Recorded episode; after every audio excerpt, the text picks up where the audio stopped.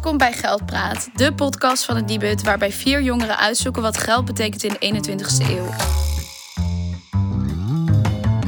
We zijn deze podcast gestart als medewerkers van het Nibud. De droom van het Nibud is een Nederland zonder geldproblemen. Met deze podcast willen we daar een stukje aan bijdragen door geldzaken bespreekbaar en toegankelijk te maken.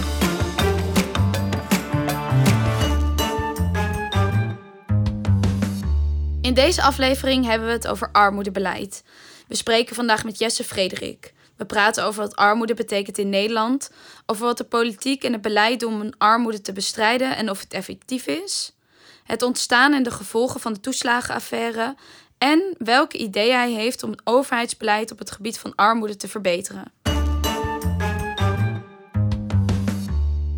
We zitten hier in de studio met Jesse Frederik. Hey Jesse, wil jij jezelf voorstellen? Hallo, ik ben Jesse Frederik dus en ik schrijf voor de correspondent. Ik schrijf over economie, eigenlijk alles met een geldhaakje, daar mag ik over schrijven. Uh, en ik heb vroeger heel veel geschreven over schuldenproblematiek en een Ja. boek geschreven over de toeslagenaffaire. Dus dat zal wel de reden zijn dat ik hier nu zit ook, hè? Toch? Ja, Jazeker, Ja. daar kennen we je van. ja oké, oké, oké. Ehm, Nou, dat ben ik dus. Ja, dankjewel voor het voorstellen. Wij eh, stellen ook altijd vragen op straat. En de vraag die we nu hebben gesteld en die we ook graag aan jou willen voorleggen is... Kun je in Nederland arm zijn? Tuurlijk kan je in Nederland arm zijn. Ik denk dat armoede is, ja, nou ja, goed, in je kan het absoluut definiëren, dan zal het allemaal wel meevallen. Maar armoede is juist echt een heel een relatief begrip. Dus, eh, eh, Wat bedoel je met relatief? nou, dat het ten opzichte van anderen is. Oh ja, dus als, als een iedereen heel rijk is en jij bent modaal, dan ben je alsnog arm. Ja, ik denk dat je ziet ook gewoon puur aan alle definities van die mensen hebben van armoede. de- Die worden altijd aangepast door de tijd. Dus ik geloof dat het CBS gebruikt iets van eh, wat de bijstand was in 1979. En dat laten ze de hele tijd opschuiven elk jaar. Met inflatie mee. Ja, dus ja, je kan arm zijn in Nederland. ja, zeker, tuurlijk. Geldpraat op straat. Ik ging de straat op en ik vroeg: Kun je in Nederland arm zijn? Ja, dat kan. Ja, je, kan eh, je kan onder de armoedsgrens leven. En dat is. eh, mensen leven onder de armoedsgrens, dus je kan in Nederland arm zijn. Ik denk het wel. Ehm, maar er zijn ook genoeg eh, regelingen, denk ik, om daar wel uit te komen. Of in ieder geval eh, leefbaar te houden. Ja, dat denk ik het wel, ja. Ik denk dat er veel mensen op welke manier dan ook tussen het wal en het schip vallen in Nederland. En eh, dus ik geef het voorbeeld, ik ben niet arm, dus eh, ik bedoel, voor mij gaat het niet op. Maar ik val wel in een situatie dat je eh, qua kopen en qua huren, dat je daar net tussen valt. En ik denk dat dat voor heel veel mensen in Nederland in een andere situatie ook geldt. Dus eh, hoge kosten, zieke, ziektekosten en allerlei andere kosten die ze hebben. En dan net niet in aanmerking komen voor. Dus dan denk ik dat mensen inderdaad gekke dingen gaan doen, waardoor ze schulden krijgen en, eh, en waardoor ze weinig te besteden hebben. Wat is armoede dan volgens jou? Nou ja, het makkelijkste is natuurlijk een, eh, een gebrek aan geld. Ja. Maar goed, ik, weet- ik denk dat als wat, wat ik vaak heb gezien, of wat ik, wat ik altijd het meest schrijnend vond, is gewoon wat het eh, psychologisch doet. Dat, een heel, dat heel veel van je leven gaat draaien daarom, om, dat, de- om een gebrek. Om Ja. hoe kom ik eh, eh, eh, de dag door, de week door, de maand door. Nou ja, je krijgt, krijgt eigenlijk je tijdshorizon vernauwd heel erg. Dat had ik bij schuldenproblematiek heel Ja. vaak. Dat je mensen zag die heel erg bezig waren met ehm, ja, de korte termijn Ja. en gedwongen. En dat, ja, dat vond ik altijd het meest schijnende aspect daaraan. Zodat je heel erg Ja. korte termijn gaat denken. En als je dan hebt over... eh, want die definitie verandert elke keer. En het gaat over een gebrek aan geld. Kan, het dan ook, kan je dan ook armoede hebben op het moment dat je wel veel geld hebt... maar bijvoorbeeld heel veel eh, uitgaven... en misschien veel moet afbetalen aan schulden? Nee, dat is dus, nou ja, kijk, eh, kan dat. Wij gaan erover over wat armoede is natuurlijk. Maar in principe in de gangbare definities van armoede, van eh, als je ze ziet in de, in de media en zo, zoveel procent armen, dan gaat het eigenlijk alleen maar over de inkomsten. ja. Dus, en dat is natuurlijk meteen als je er even over nadenkt best wel een beetje raar. Want als je bijvoorbeeld ja, hetzelfde inkomen hebt en je woont in een stad eh, als Amsterdam, ja, dan zijn je huren waarschijnlijk zijn je kosten hoger. ja. Dus dan komt dat veel, ja, dan is dat veel lastiger om rond te komen. Dus uh, ja, en, en een hele grote post waar ik ook wel eens over heb geschreven, is dat je dat, dat nou ja, met schuldenproblematiek zie je dat een heleboel mensen dus juist door hun uitgaven moeten ze heel veel aflossen aan schulden, toeslagen terugbetalen, zorgpremies, uh, achterstanden. Nou, dat wordt allemaal ingehouden op je inkomen. Dan hou je eigenlijk, nou ja, vaak de beslagvrije voet over. Ja. Hè? Dat is dan 90% ja. van de uh, bijstandsnorm. Maar het kan best dat je veel meer verdient, maar dat hou je over aan het eind van de maand. Maar dan tel je niet als arm in de cijfers. Oh, dan tel je in de cijfers niet als arm? Nee, nee, nee, nee. Want het wordt niet meegerekend wat je aan uh, schuldaflossing oh, hebt. Dat is en, uh, bruto, bruto Het is inkomen? alleen maar gewoon uh, je inkomsten. Dus ja. niet de hele uitgavenkant wordt helemaal buiten beschouwing gelaten. Ja. En wat ik mij ook, ik heb wel eens een boek gelezen over. Um, dat leek mij ook misschien leuk voor jullie om een keer te onderzoeken. Van, je hebt de American Financial Diaries of zo heette dat. En toen gingen ze gewoon bij Amerikaanse gezinnen gingen ze heel erg bijhouden. Elke maand wat ze aan uitgaven hadden en wat ze aan inkomsten hadden. En wat ze daarin merkten was dat je vaak niet. Ja, heel vaak zijn het jaaropnames van armoede, zeg maar. Van wat is je jaarinkomen. Ja. Terwijl heel vaak zijn er maanden waarin het in één keer piekt of daalt, waarin ja. je in één keer heel weinig ja. hebt. Dus je moet, en wat zij lieten zien was dat die volatiliteit, dus de hoeveelheid schommelingen in ja. uitgaven en inkomsten, enorm was toegenomen in Amerika. En dat daardoor, nou ja, je kan je ook voorstellen dat dat natuurlijk een enorme invloed heeft. Die onzekerheid van, ja. ik weet niet of mijn koelkast kapot gaat en dan moet ik in één keer een grote uitgave doen en dan heb ik de rest van die maand weer heel weinig. Of ik, uh, ik heb die maand in één keer veel minder inkomen omdat ik ZZP'er ben. Of ik weet niet zo goed hoe mijn contract uh, zit en hoeveel uren ik dan ja. En, terwijl uh, vaak van die uh, statistiek gaat uit van gewoon, nou, dit is je belastingaangifte, dat is je jaarinkomsten. Alsof er in dat, binnen dat jaar niet allemaal heel veel is gebeurd. Ja, ja, dat is volgens mij echt vaak inderdaad. Dat, dat ze, nou ja, volgens mij loopt de administratie van dit soort dingen nog een beetje achter. Ook hè, heel veel mensen hebben flexbaan, heel veel mensen zijn ZZP'er. Ja. Zou je verwachten dat je meer nou ja, hè, bandbreedte of zo gaat kijken. Mm -hmm. En dat je dan ook de onderkant van de bandbreedte uh, meeneemt. Ja, ja, ja. Maar ja, dat is ook wel heel moeilijk, hè? Want dan, de, als je puur statistisch uh, gaat kijken, wat ze, wat ze gebruiken bij het CBS, gewoon belastingaangiftes. En die ja. zijn altijd op jaarschaal en nooit op maandschaal. Uh, ja. Mm. En ook aan de uitgavenkant weten we eigenlijk heel weinig van wat mensen doen. Ja, wat ja. mensen echt doen, hè? Ja, ja, wat mensen echt doen. ja. Ja. En, en, en, hoe, dat er, hoe dat eruit ziet. Ja, we zijn er nu ook bij het Nieuwet wel mee bezig. Inderdaad, met die wisselingen. Ook omdat het systeem natuurlijk niet echt op is ingericht. Als jij een flexinkomen hebt, hoe vraag je dan bijvoorbeeld een toeslag aan over een, een komend jaar? Ja, ja, ja, ja, ja, ja. precies. Dus veel mensen, wat we wel eens horen, is dat dan veel mensen het dan achteraf dan gaan terugvragen. Maar goed, dan heb je wel dus het hele jaar eigenlijk te weinig inkomsten. Precies, ja, ja, ja. Dus ja, dat, daar zijn we wel mee bezig met daar uh, onderzoek naar te doen. Van hoe ga je nou om met die wisselingen? En ik denk dat het best een lastig ding is. Van of nou die ik weet niet of zozeer die wisselingen probleem zijn, maar wat jij zegt, inderdaad, die onzekerheid. Als je laag betaald, onzeker werk hebt, mm -hmm. dan heb je een probleem. Want dan heb je heel weinig buffer om schommelingen op te vangen. Ja. En dan... Nou ja, en ik zou wel benieuwd zijn of je tussen verschillende inkomensgroepen, of je, ja, dat is natuurlijk een beetje obvious misschien, maar dat je, ik kan me goed voorstellen dat je in de lage inkomensgroepen veel meer fluctuatie hebt in inkomsten, vergeleken met zeg maar een middeninkomen. En misschien dat in de allerhoogste inkomens dat er best weer, weer, weer veel fluctuatie is. Ja, precies. Maar gewoon, ik ben wel benieuwd hoe dat gewoon is verdeeld. Bij welke groepen zit dat dan, die, die, uh, die onzekerheid het meest? Nou ja, dat ah, Kan je toelichten waarom je denkt dat bij lage inkomens meer fluctuatie is? Nou, ik denk onzekerdere contracten. Ik denk ook uh, veel, veel geschulde uh, dingen. Dus dat je de ene maand heel veel moet terugbetalen. Of dat het er in één keer nog een toeslag wegvalt. Dat er beslag wordt gelegd. Hmm. Ik kan me voorstellen dat dat soort dingen veel invloed hebben. Ja, ja. ja denk ik ook wel. Ik denk ook wel iets wat altijd lastig is. Um, is bijvoorbeeld uh, uitkeringenwerk. Hmm. Dat schijnt ook altijd lastig met elkaar te combineren zijn van hoe... Um... Met terugbetalingen en zo. Ja. ja. Ja, ja, ja, Nee, dat kan ik me ook heel goed voorstellen. Ja. Ja. Misschien kunnen we even een uitstapje maken naar je boek. Want mm -hmm. um, kan je vertellen waarom je het nodig vond om het boek te schrijven over ja, dat nieuwste boek dan? Ja, het, het, het, ontstond ook een beetje. Het was nooit van, nou, nou ga ik eens een boek schrijven. Ik dacht eerst, ik ga een column schrijven. En toen werd het een stuk. En toen werd ja. het een uh, pamflet. En toen werd het een boek. Maar uh, ja, ik had toen... toen uh, eh, was het al best veel in het nieuws over de toeslagenaffaire. En toen had ik dat rapport van de commissie Donner, dat werd toen als eerste aangesteld van, ja, doe onderzoek naar die toeslagenaffaire.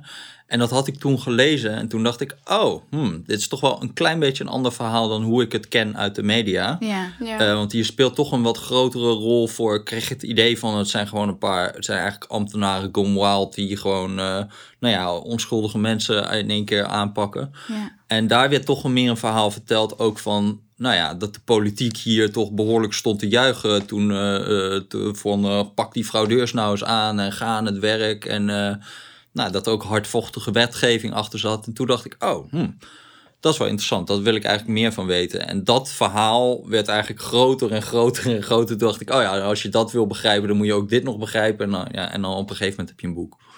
Dus dat was. Dat, dat was en, ik, ja, en ik herken de problema- problematiek natuurlijk heel erg, omdat ik ook al eerder over schulden en zo schreef. ja. Dus ik vond het sowieso al fascinerend dat wat ik altijd merkte toen ik over schulden schreef, was dat het gewoon zulke schijnende verhalen zijn dat ik dacht van, eh, die gaat het nooit over. Ja. Of ik, eh, ik, heb, ik heb nog nooit, ge- het is mij ook niet, ja, nou een beetje, maar niet echt gelukt om sommige van die problematiek heel groot op de agenda te krijgen. Hmm. En hier lukte dat in één keer wel. ja.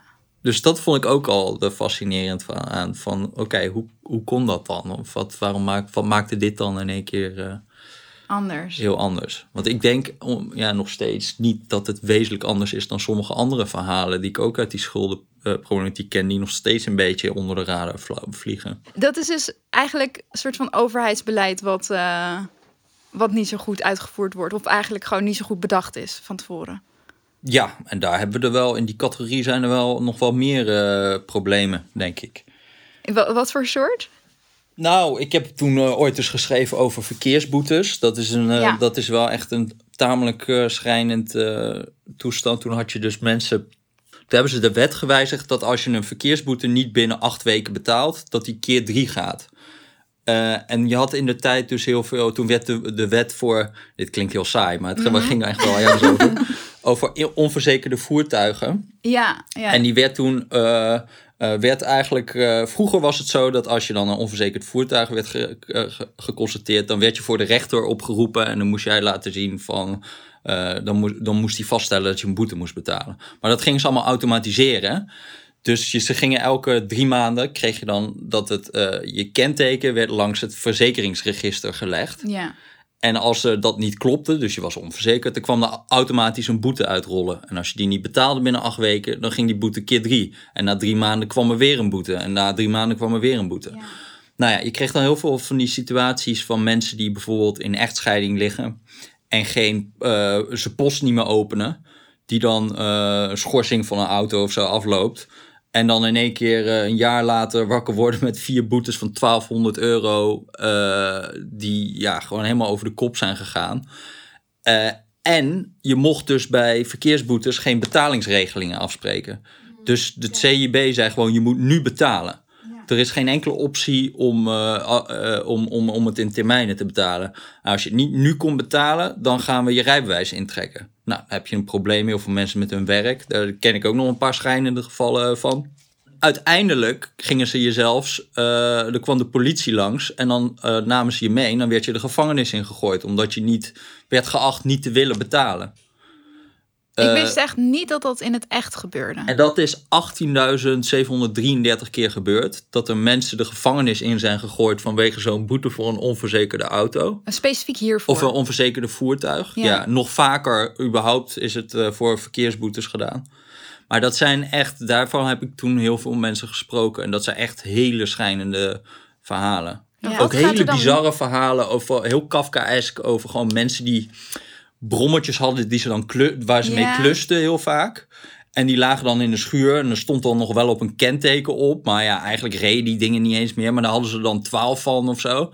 En dan stond dat gewoon nog in de computer van... Ja. Ja, dat is een brommetje, want het heeft een kenteken. Ja. Maar dan kreeg je dus 12 keer 330 euro. Ja. die kan je niet betalen. En dan zei ze ook van, ja, we kunnen dit niet betalen. Ja. Maar dat mag niet baten, want dan gaat het gewoon keer 3, 990 euro. Ja, en dan loop je die hele... Dan ga je het gewoon... Dan komt geen mens meer aan te pas. Dat, en dat, ja, dat verhaal vond ik zo bizar. En, en ja, uiteindelijk hebben rechters ook gezegd van... ja, we gaan niet meer meewerken aan dat uh, gijzelen van mensen. Ja, dus mensen de gevangenis in, inzetten en zo. Eh, en dat is toen een beetje gestopt. En toen heeft Dijkhoff gezegd... De Wie staatssecretaris. Ja, oké, dank je. Die heeft toen op een gegeven moment gezegd van... nou, we moeten ook wel betalingsregelingen mogelijk maken en zo. Maar Ja, Ja. want het betreft mega veel mensen, ontzettend veel geld, ja, eh, dramatische gevolgen, ja, maar je hoort er niks over. nou ja. Ja, Nou ja, en, eh, en ik, ja, ik, ik, ik heb dus toen eh, ook allemaal WOP-verzoeken en zo. Dus dat je bij een ministerie nog vraagt om documenten. En, ehm, en die kwamen ook pas na anderhalf jaar of zo heb ik toen gekregen. En daar heb ik niet meer over geschreven. Maar toen had je op een gegeven moment zo'n... eh, dat ze daar ook bij het CIB een team schrijnende gevallen hadden. Eh, dat Dus- heette Team Schrijnende Gevallen. Of de pilot schrijnende gevallen. Dat vond ik ook altijd het mooie. Ja. Maar, en die, en, eh, maar dat team, die kwam toen terug. Die gingen gewoon een heleboel van die casus eh, eh, eh, eh, bekijken. Van wat, wat, zij, wat gebeurt er hier eigenlijk? Nou, daar stonden ook verhalen in van bijvoorbeeld een man die had dan tien van die boetes gekregen. En er stond in van, ja, ik ben, ze- hij was, zijn gezin was, eh, was al weg, hij was gescheiden, hij was zijn baan kwijtgeraakt. En hij had nu toch een nieuwe baan weten te vinden als buschauffeur.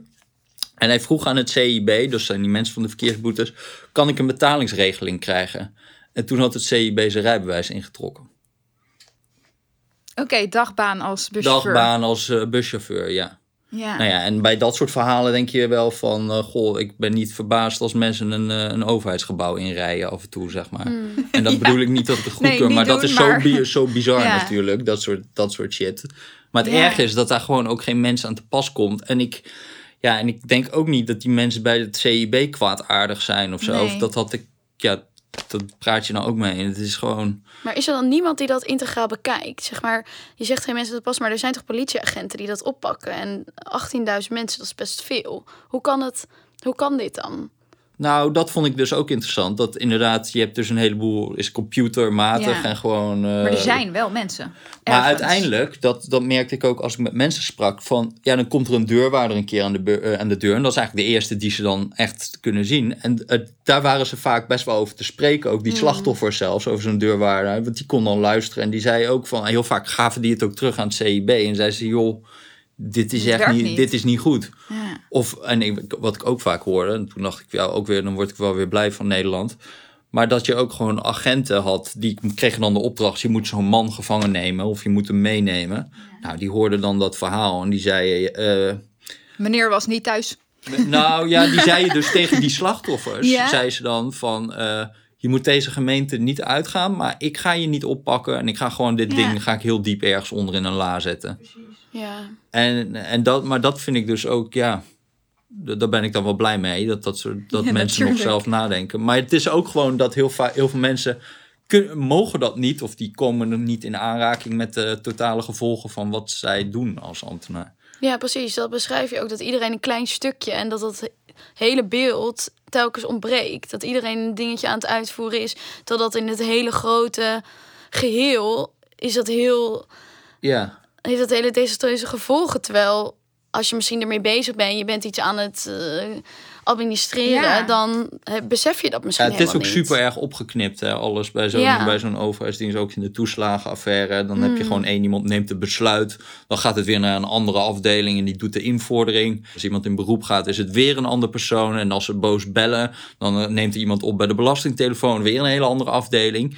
En uiteindelijk heeft eigenlijk niemand een soort van zicht op wat is nou het verhaal van zo, van zo iemand. En ik zou je zeggen, het kan ook bijna niet anders. Want het zijn, je moet met toeslagen heb je het over, ik geloof 6, 7 miljoen mensen of zo die, Ja. die toeslagen inmiddels eh, ontvangen.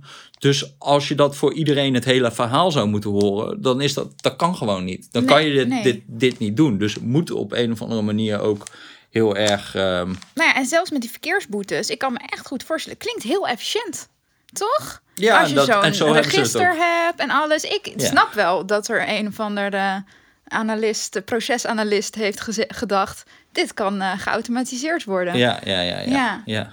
Ja, en het levert gewoon geld op en zo. hè. Dat Ja. was ook, En, ja. in de tijd waren ze allemaal in, met ba- barre bezuinigingen bezig. Dus Ja. toen was het echt zoeken naar schapen om geld.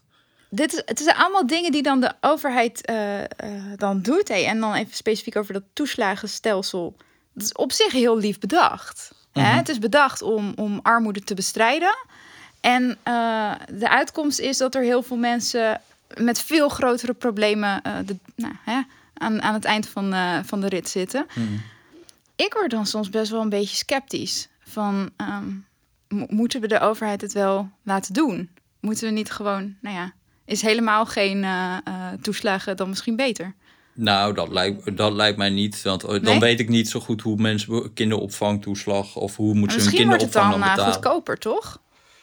Zou dat niet kunnen? Dan zou het wel goedkoper worden. Ja, dat denk ik wel. Maar ik denk dat het dan nog steeds voor een heleboel mensen. Kijk, ik bedoel, die lage inkomens, dat wordt 96% van hun kinderopvangkosten Ja. wordt vergoed. Die kunnen het echt niet betalen om, wat is het nu?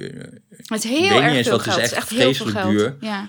En eh, eh, ja, dat, dat gaat gewoon echt niet. Dan kan je, moet je, zou het echt eh, moeten, moeten met een honderdvoud moeten reduceren, die prijs. En dat gaat niet gebeuren. Nee, hoezo, hoezo gaat het niet gebeuren? Ik heb bijvoorbeeld bij... Omdat het gewoon mensen kost die die kinderopvang doen, denk ik.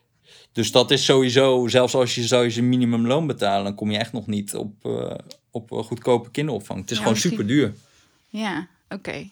Ja, ik denk altijd aan bijvoorbeeld sociale huur. Mhm. En dan heb ik altijd het idee dat al die, nou ja, die huur dan gewoon precies op de grens gaat zitten. Dat alle huur precies 700, ik weet niet uit mijn hoofd, 710 of 32, 700, nee, of 732 euro is. Ja. Want dan eh, kunnen mensen huurtoeslag aanvragen en dan betalen ze zelf minder huur. Dus voor hun maakt het niet echt uit. Ja. Ik, heb altijd het idee dat er, dat er zoiets speelt. Ja, dan, nou ja, bij die, bij die huurtoeslag is dat wel zo. Dat, Ja. dat iedereen gaat daar ook natuurlijk gebruik van, of creatief gebruik van maken Ja, van dat soort toch? toeslagen. Dat je Ja. kale huur dan dat is en dan heb je opeens veel servicekosten of zo. Ja, ja, ja, Ja. Maar desondanks dat er zoiets nodig is als eh, huurtoeslag, omdat mensen anders gewoon de huur niet kunnen betalen, dat, dat staat voor mij wel boven water. Dat dit de manier is om het te doen, zoals het nu is eh, ingericht, dat weet ik niet. Nee. Heb je een alternatief? Nou, dat, daar ben ik dus ook in. Ja, je begint een beetje zoals wat iedereen in de media ook roept: van eh dat toeslagenstelsel is failliet en we moeten er vanaf. Maar één ding, één ding wat ik wel, maar ook ben gaan beseffen, ook door dat schrijven van dat boek, is dat iedereen altijd heel erg gecharmeerd is van de blauwdruk van iets wat ze nog niet kennen. Ja. En dan tegen de tijd dat dat ding er is, dan blijkt dat ook weer allemaal gebreken te hebben. En, en al helemaal aan het begin. Dus als, je de, als iedereen wil nu de revolutie, hè, we allemaal weg met het toeslagenstelsel. Nou, ik ben er wel vrij sterk van overtuigd dat als je het wegdoet en er komt iets nieuws, dat we de eerste twee, drie jaar echt met barre ellende zitten over allerlei dingen die daar weer mis mee gaan. met dat nieuwe stelsel. En dan gaat het misschien een beetje steeds beter werken. Maar dat is natuurlijk ook zo bij dat toeslagenstelsel. Ja, in het begin en ook die toeslagenaffaire is in principe ook ja, toch een flink aantal jaren terug dat dat groot, eh, dat dat groot was. En dat zie je natuurlijk nu nog steeds de problemen van. Maar één ding wat je voor dat toeslagenstelsel moet zeggen, is dat het wel eh, al heel lang bestaat en dat de uitvoering ook wel steeds een klein beetje beter is geworden. Eh, die terugvorderingen worden allemaal wel, eh, ja, het is niet, niet zo groot meer als vroeger. Maar tegelijkertijd is het gewoon vreselijk ingewikkeld gemaakt, omdat er gewoon eindeloos veel variabelen zijn. Je moet de huurprijs doorgeven, je moet je, je inkomen, je gezinssamenstelling. Ja. En al die dingen veranderen door het hele jaar door. En, het, en, en het- je bent er eigenlijk het minst toe in staat, bijvoorbeeld bij een echtscheiding. Dat is altijd, Ja. levert dat ellende op. Ja. Eh, dan, dan, dan verandert die gezinssamenstelling. Dan zou je eigenlijk in één keer al dat moeten gaan doorgeven aan, eh, aan toeslagen. Nou ja, daar ben je dan, zit je dan helemaal niet op te wachten. En dan heb je daarna, daardoor kom je dan weer later in de problemen. Ja, ik denk dat je wel gewoon kan gaan nadenken. Dus ik ben niet voor doe alles weg. Of sowieso zou ik daar harder over na moeten denken voordat ik echt weet om dat te zeggen. Maar ik zou in ieder geval gaan kijken naar hoeveel van die voorwaarden zijn nou echt nodig. Ja. Ja. En kunnen we die niet schrappen langzaam? Eh, en het gewoon veel eenvoudiger en onvoorwaardelijker maken. Ja. Dus één ding bij die huurtoeslag zou ik het bijvoorbeeld alleen inkomensafhankelijk maken. Ik zou het niet zo gaan af laten hangen van de huurprijs. Ja, nee, dat, dat vind ik ook altijd raar. Want er zijn best wel weinig sociale huurwoningen. En juist in de vrije sector is het best wel heel duur. Ja, dan zou je denken, nou, ehm, ja dus dat daar- zou ik ook ja. gewoon, gewoon niet op een grens. Van laat Ja, mensen hè? zelf maar kiezen of ze dan in de vrije sector willen of zo. Het wordt ja, alleen dan maar krijgen ze misschien 300 euro of zo op dit inkomen. En dan mag je zelf kiezen of je dan alsnog 1500 eh, Ja, betaalt. precies. Of minder. Ja, Ja. bijvoorbeeld daarbij. Maar ja, het, het is ook super complex. Hè? Alles Ja. is. eh, en en dat, dat gaan mensen straks ook nog wel merken als ze het willen gaan afschaffen. Van alles hangt samen met dit hele, hele manier waarop onze woningmarkt werkt, hangt samen met de huurtoeslag. Ja. Dus als je daar iets aan gaat doen, dan moet je het eigenlijk ook nog daarover hebben. Nou ja, en dan Ah. komen we straks in de politiek met allerlei compromissen die daarover weer over worden gemaakt. Ja. En dan wordt het heel snel zoiets van, hmm, laat toch maar. En wordt echt een of ander gedrocht waarvan je denkt echt... Ja, en ondertussen hebben we wel heel lang zitten discussiëren over iets wat toch niet gaat gebeuren. Dus daar ben ik dan ook een beetje bang voor. Ja. Maar vind je dan dat de overheid moet, zich, moet die zich überhaupt... Denk je dat overheid beleid ervoor kan zorgen dat armoede verdwijnt? Of verminderd wordt? Ja, dat denk ik wel, ja. Zeker weten. Nou ja, en dat is ook gewoon... Dat, dat- we hebben superveel effectief armoedebeleid. AOW. Dat is gewoon eh, waanzinnig. Dat zie je zo hard ook... Nou ja, gewoon in de data van iemand eh, rond 67 daalt gewoon de armoede, bam. Ja. En ja, dat is als gewoon... je laag inkomen hebt en dan Oh. inderdaad in de AOW... dan ga je er vaak op vooruit. Ja, en dan is het gewoon... Ja, ja dat is super effectief. Dus ik zou zeggen AOW eh, leeftijd na 20. Ik wou net zeggen, En dat noemen we AOW dan een misschien wel een basisinkomen. eh, houdbaarheidsdatum voor ons. Ik weet niet, eh er zijn ook nog wel sceptisch over. Want uiteindelijk is het natuurlijk, aan de ene kant kan je dan zeggen van... oké, overheidsbeleid heeft het goed bedacht. Maar we worden nu allemaal ouder. En dan is het toch, wat je zegt, die complexiteit. Het is zo moeilijk om dat dan om te gaan bouwen tot een systeem. Zeg maar, het kan gewoon niet heel goed meegroeien, denk ik, met, eh, met hoe de maatschappij nu is. Mhm. En daar, dus... Nou, ik vind juist bij de AOW vind ik het aantrekkelijker ervan dat het, eh, dat het gewoon super eenvoudig is. Dus iedereen Ja, krijgt, als ze 67 zijn, krijgen dat. Er is ook verder niet gezinssamenstelling. Zo volgens mij boeit dat Ja, heel jawel. een beetje Ja, wel hè, tegenwoordig. Maar komt dat niet en omdat of je in het buitenland bent geweest, dat Ja. is nog een variabele. Ja, ja. Maar je hebt daar bijna geen discussies over. Ben jij een fraudeur, ja of nee? Omdat het ook bijna niet te frauderen is. Omdat het gewoon heel vrij eenvoudig is. Je leeftijd. Maar komt dat niet omdat we er allemaal voor betalen? Dat, we, dat, je, dat het eenvoudig is. Ja, Nou, ik weet niet of het. eh, ik bedoel, we betalen ook allemaal voor Ja. eh, kinderopvangtoeslag. En dat is eh, wel tering ingewikkeld. ja. Ik zou er dus voor pleiten om een soort van bodem te leggen. Ja, dat heet dan basisinkomen. Maar of gewoon een bodem te leggen van. Dat is gewoon onvoorwaardelijk. Wat je gewoon. daar kan je niet onder zakken, zeg maar. Ja, En, ja. En dat heet ook de bijstand bij ons. Maar is Ja. dat helemaal onvoorwaardelijk? Of zijn daar wel. Dat hebben we zo volgehangen met allerlei eisen en weet ik het allemaal. Dat is wat mij betreft gewoon niet nodig. Ik vind, ik, je moet, hoeft het niet super riant te maken of zo. Maar weet gewoon dat we in Nederland, iedereen heeft gewoon een recht. Dat is niet genade, dat is gewoon een recht Ja. op inkomen. Einde. Ja. Maar voor jou is dus effectief armoedebeleid... Is, is de basis daarvan zou onvoorwaardelijkheid moeten zijn. Ja. In Nannes Geldlab ga ik elke aflevering op zoek naar de wetenschap achter ons geld. Vandaag ga ik met jullie het experiment één dag arm doen. En daarbij ervaar je eigenlijk hoe het is om arm te zijn. Het is een workshop ontwikkeld door het Nibud. En daarbij doen we heel veel situaties uit de praktijk. Nemen we daar als voorbeeld uit. En jullie zijn Carlos en Diana. En ze hebben heel veel schulden. En nou ja, we gaan kijken hoe jullie die schulden ervaren. En ik stuur jullie allemaal documenten via de e-mail. Dus hou die goed in de gaten. Hoe het er nu uitziet is dat hun totale inkomsten zijn 31,25 en totale uitgaven 31,7. ja, dus ze kunnen rondkomen. Acht- Ja, 18 euro in de plus staan ze. Ja, en je hebt nu in dit overzicht 18 euro speling. Maar dan missen er nog dingen op de ja. balans. Ja, Dus ja, dat is wel een... eh, en 18 euro speling is ook niet echt heel realistisch. Want Nee. je weet, er kan altijd wel iets misgaan. Dus ik denk dat als je in deze situatie zit, ook al kan je rondkomen, dat je elke keer wel denkt: oké, er moet niks kapot gaan. Niemand moet een ongeluk krijgen. Niemand moet ziek worden. Want dan hebben we echt een probleem. Ding dong, er wordt een brief bezorgd. Oké, oh-oh, ik zie deurwaarders staan. Ja. Oh, en ik zie loonbeslag. Oh nee. Ik weet niet wat dat betekent eigenlijk. ik heb nu al geen overzicht meer. Ontvangen vandaag om 14 uur. Goedemiddag, u spreekt met Rodeburg van deurwaarderskantoor GGN. U heeft bij ons een bedrag van 1836 euro openstaan in zaken niet betaalde gemeentebelasting. Als u niet voor eind van deze maand start met een maandelijkse betaling van 150 euro, zie ik mij genoodzaakt over te gaan tot beslaglegging op uw inboedel. Ja, een beetje... Ik ben echt totaal in de war, want ik heb geen idee waar dit over gaat. Ja, dit zijn die kwijtscheldingen waar we het net over hadden. Ik denk dat als je dat een paar keer gebeurt, dan word je gewoon helemaal gek. En dan denk je, ik open geen brieven meer, laat maar. Wij deden net, we doen elke keer een experimentje in onze eh, podcast. En Nan die heeft ons net uh, voor één dag arm workshop gegeven. Mhm. En dat is eigenlijk voor één uur arm. Um, maar dan ben je dus uh, Carlos en Tiana.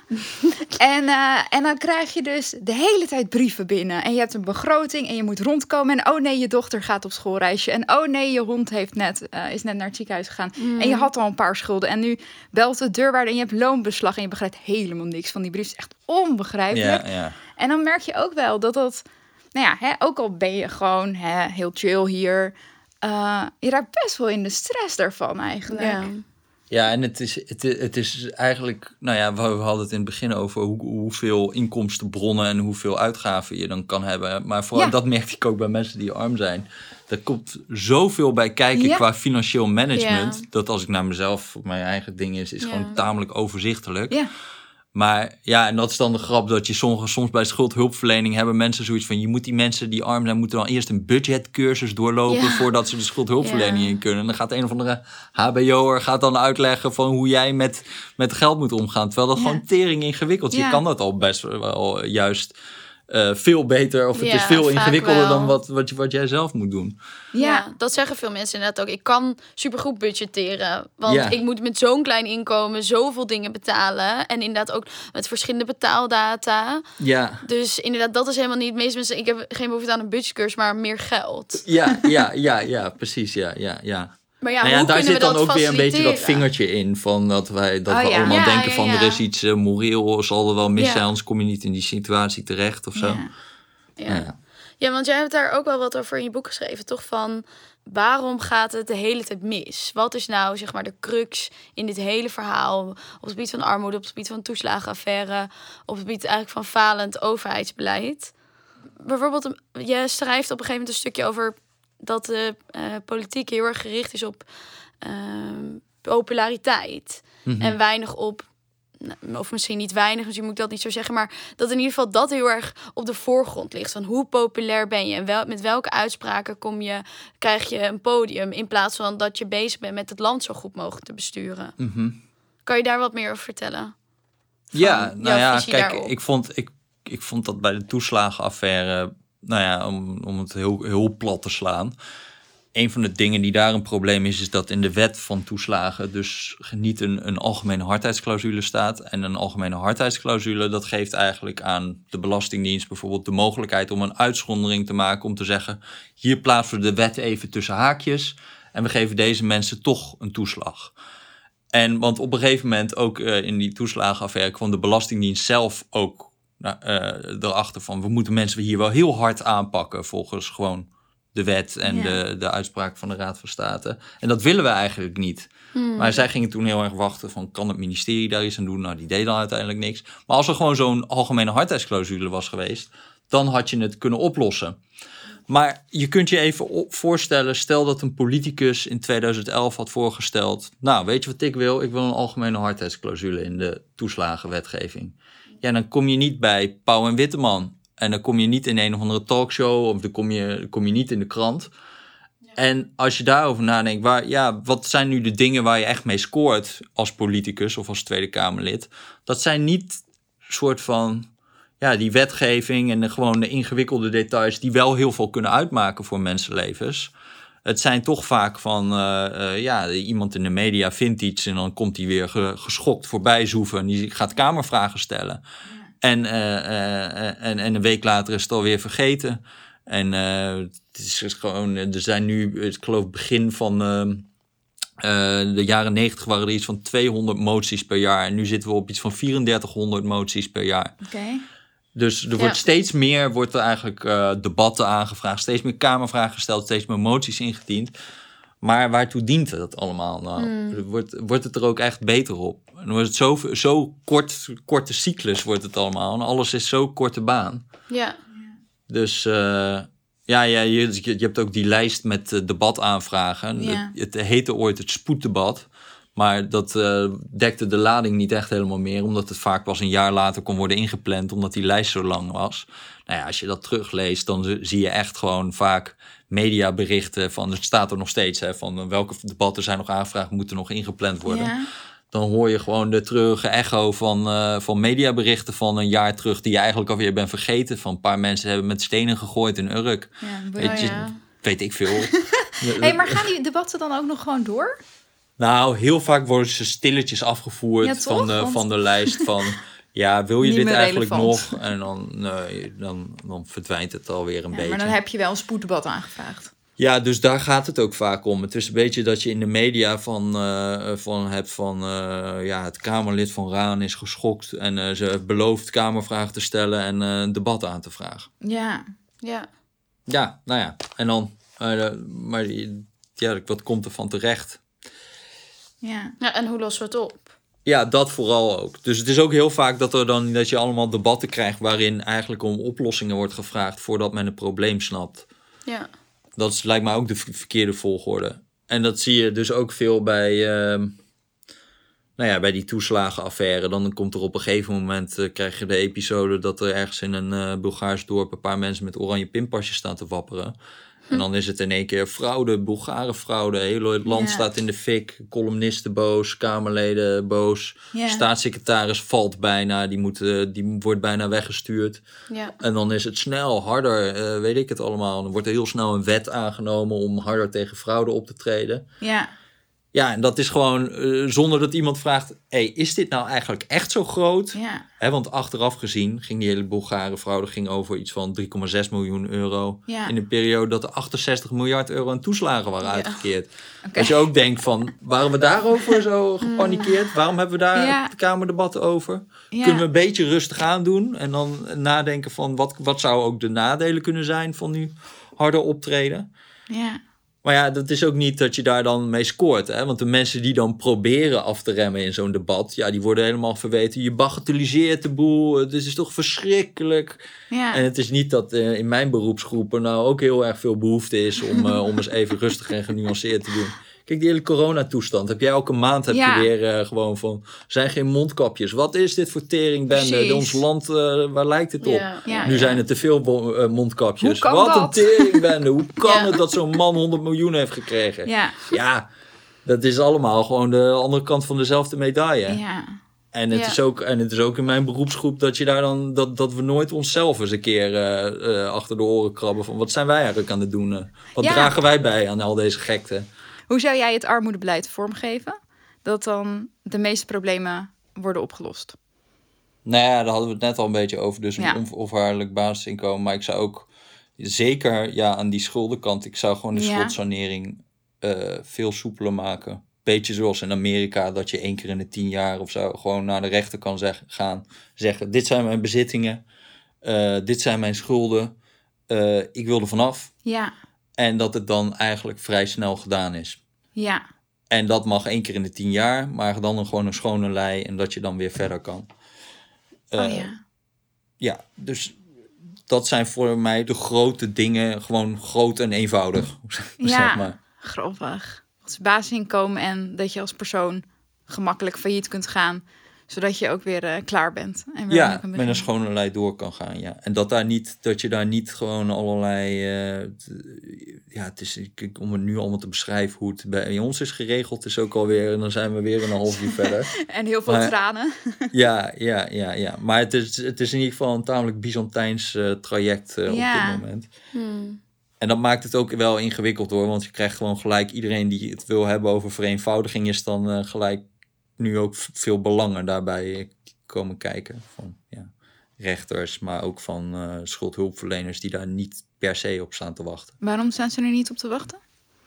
Nou, omdat als je bijvoorbeeld zegt, eh, je mag naar de rechter toe en je bent voor je schulden af. Ja, nou, dan zijn de schuldhulpverleners een, een, groot gedeelte van hun eh, functie kwijt. Dat En als je zegt, de schuldhulpverleners moeten, mogen gewoon zeggen van je bent voor je schulden kwijt. Dan zijn de rechters een groot gedeelte van hun schuldsanering kwijt. Nou ja, goed. Dus daar kom je dan al heel snel in een soort van ingewikkelde discussie. omscholingscursussen voor... eh, Voor, voor allemaal, ja. Ja, ja. ja, toch? Ja, Hup, doen we er ook direct bij. ja, dat mag ook. Nou, leuk. Dankjewel. Bedankt voor het luisteren naar Geldpraat. Wil je meer weten over dit onderwerp? Ga dan naar nibud.nl slash podcast. We horen graag wat jullie ervan vinden, dus laat vooral een reactie of rating achter.